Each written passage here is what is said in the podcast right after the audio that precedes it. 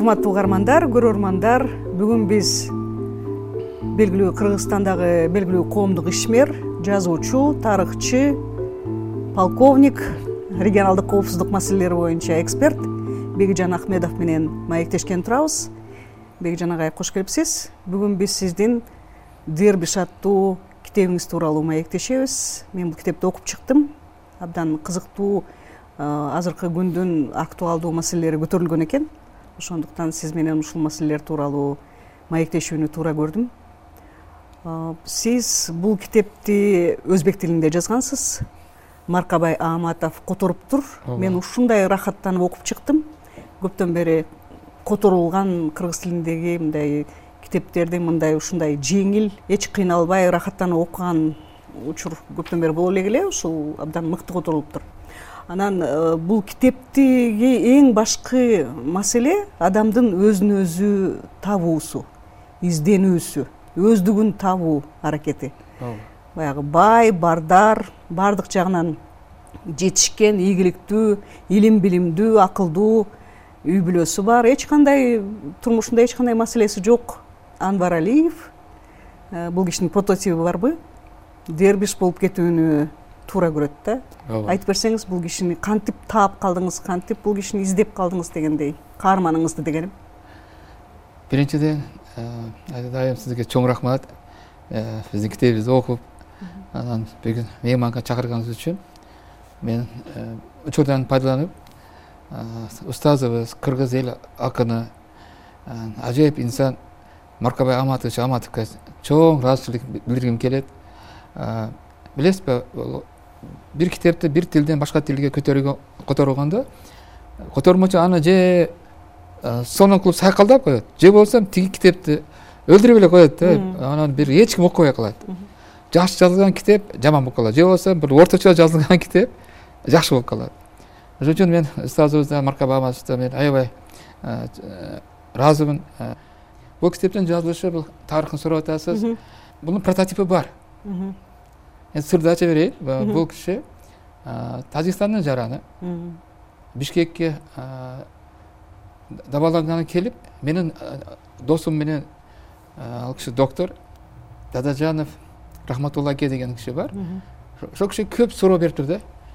Бул кудай деген эмне үчүн менин кудай менен мамилем жок. Адам эмне үчүн жашайт? Эмне үчүн биздин мусулмандар мындай бир бөлүнүп бөлүнүп кетти? Эмне үчүн мусулмандардын мындай оозун түтүшү анан бул ар кандай бир жаман жолдорго барып атканы терроризм радикализм анан европадагы элдердин мусулман десе бир фобия пайда болуп коркуп калганы. Эмне үчүн мусулмандар ушундай жакшы диндин өкүлдөрү ооздорун ушундай туура эмес түтүшөт деген суроолор көп бергенден кийин айтыптыр да менин бир досум бар. Ал киши ислам боюнча ислам тарыхы боюнча лекция окуйт анан жазуучу деген экен тааныштыргыңыз дедипи сизди айтты анан алар бир чайханага аш жасап чакырышты. Анан барып э, китептерди менен бердим да. Берип мен ойлодум эми азыр мен колумдан келсе ал кишинин суроолоруна жооп берем деп. Ишенесизби? Ал киши мага бир да суроо берген жок да. Биринчи таанышып бир эки китебимди берип анан кийин сурап калды. Анан биз орусча сүйлөшүп атабыз анан айтат мындай карап туруп а почему вы так написали? Это же очень интересно деди китепти мону кыргызстан оляра мекенинен бирдекени ачты да.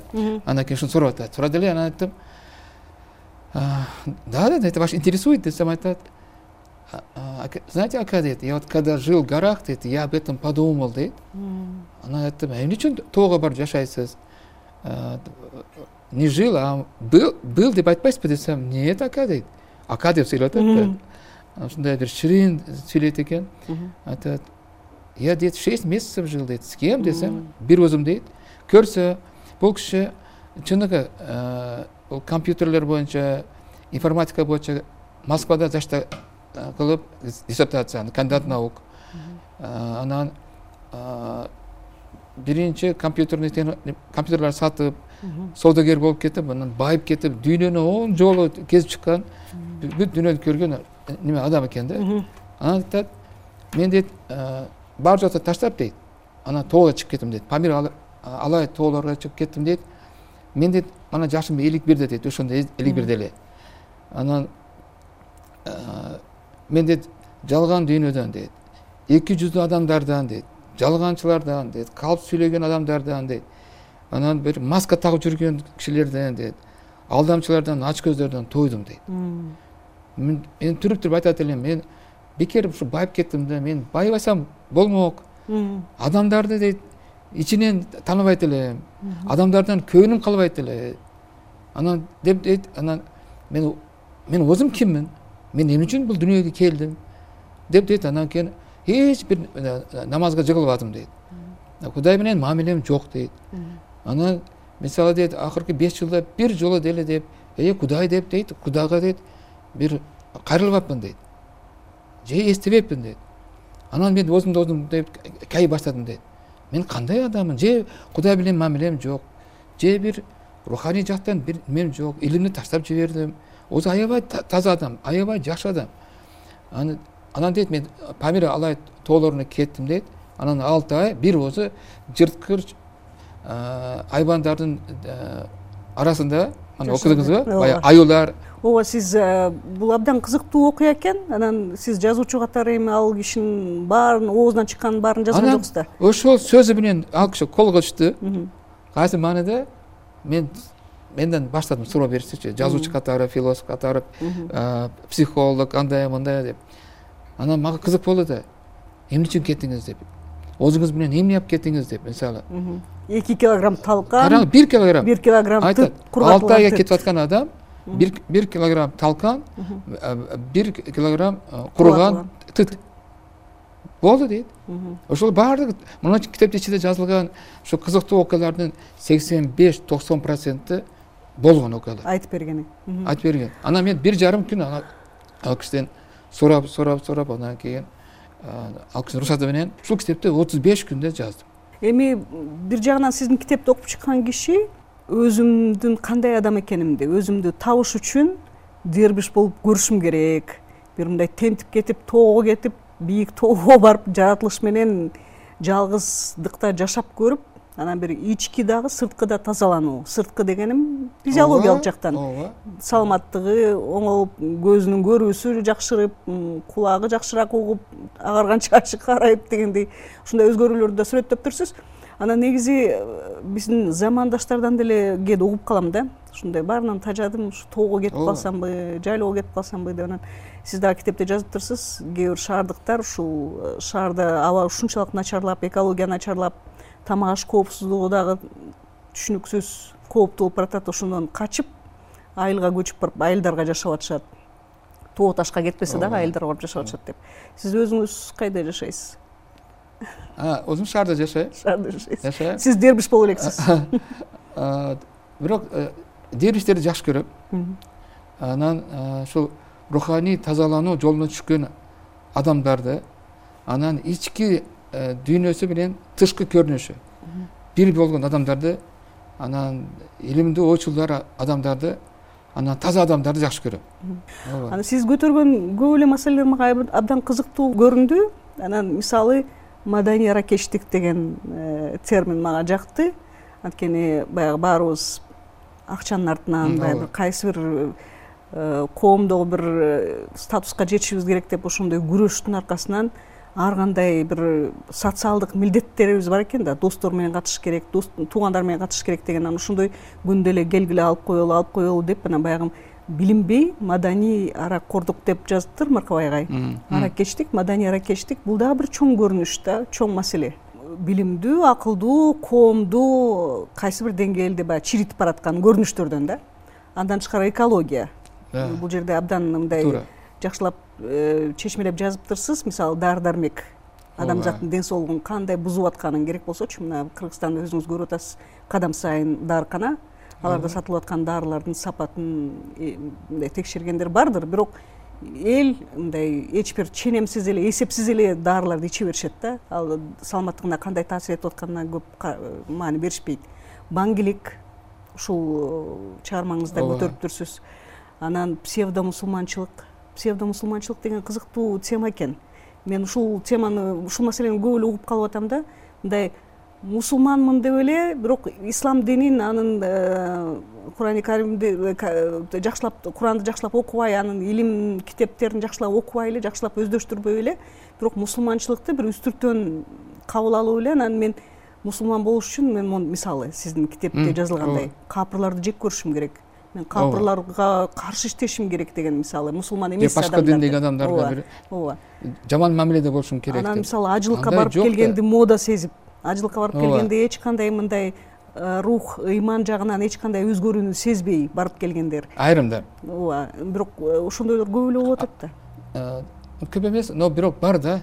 Мусулманчылыкка ислам динине жаңы кирген адамдар динди үйрөнбөй туруп ислам динин жакшы билген уламалардан казылерден муфтийлерден же бир атактуу алымдардан чыныгы исламды түшүнгөн анан элге жеткизип жаткан алымдар.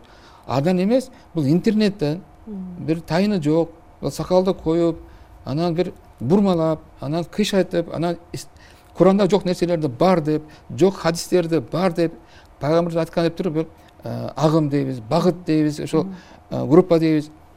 Мазхаб дешет башка башка. Но бирок ошолор баардыгы өздөрү түшүнбөйт адашкандыгын. Ошон үчүн э, исламды үйрөнөм деген адам биринчи ошол ханафи мазхабындай китептерди окуш керек имам бухариди окуш керек мына азыр кыргыз тилине курани каримдин маанилери уже эки үч жолу чыкты. Эки үч автордун э, котормолору аларды окуп туруп анан кийин суроолор болсо о интернеттеги же бир баягындай бир э, группалар түзүп бир радикал экстремисттик агымдарда жүргөндөрдөн эмес ошол чыныгы биздин э, молдокелерибизден э, исламды түшүнгөн алымдардан сурап анан кийин ошол туура жолдон кетиш керек да сиз эми бул чыгармада аябай мындай психоанализ философия боюнча музыка боюнча да георгий свиридовдун симфониясындай болду деп ушундай мындай кругозор орусча айтсак кыргызча айтсак дүйнө таанымы абдан кең каарманды сүрөттөптүрсүз да. Анвар алиев чын эле ошондой аябай көп китеп окуган аябай илим билимге субарылган адамбы мен ошол анвар алиев деп ат койдум чыныгы аты башка прототиптин анан ат койгондо дагы мен эмени көп ойлондум.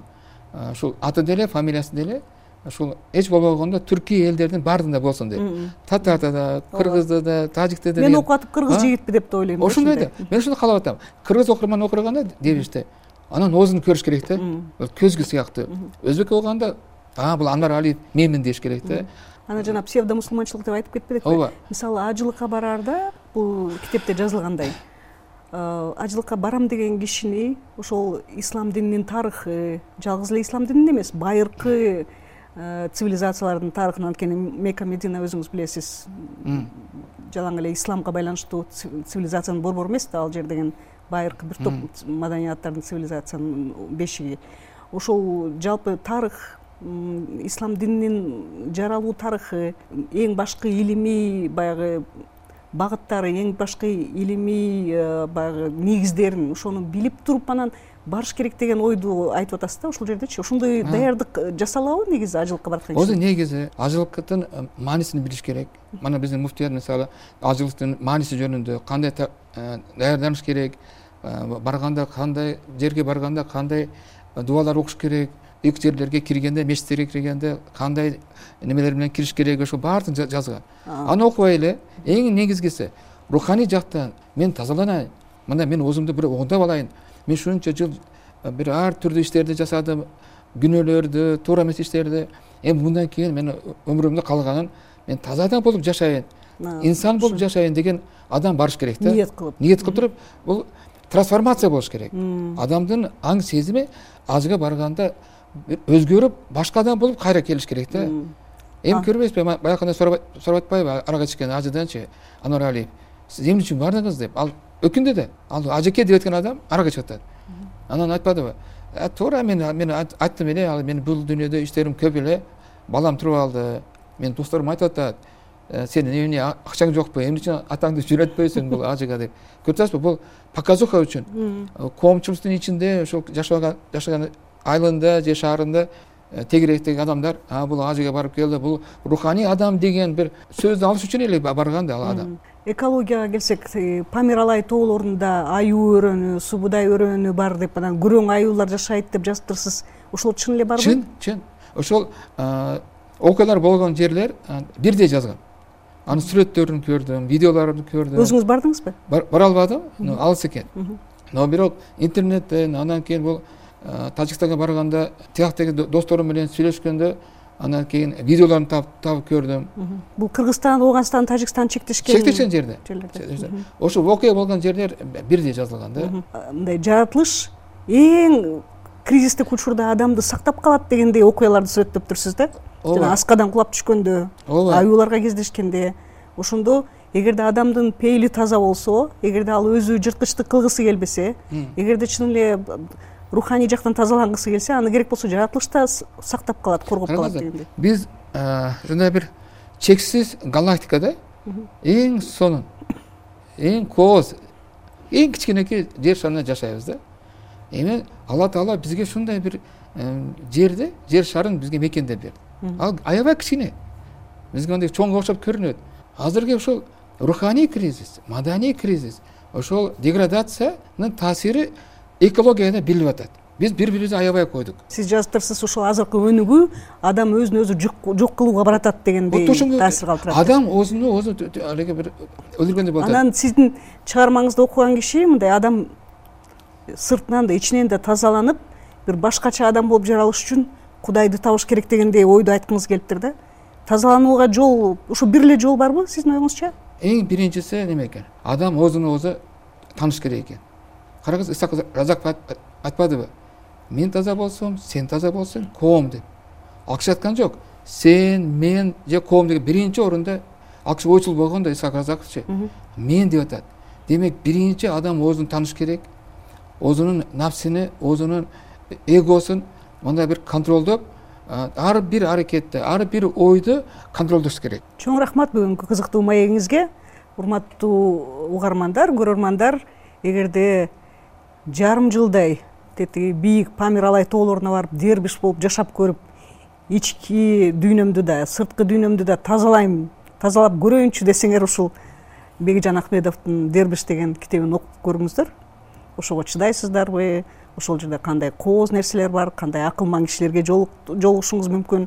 Биз бир аз эле маектештик. Бул китепте анвар алиевден башка дербиштен башка да абдан көп кызыктуу каармандар бар анын ичинде карабай малахан ийгиликтерди каалайбыз. Мончакты тилге которулуптур мындан ары да дагы ондогон китептер э, тилдерге которулсун келечекте рахмат. буюрса жаңы чыгармаларды күтөбүз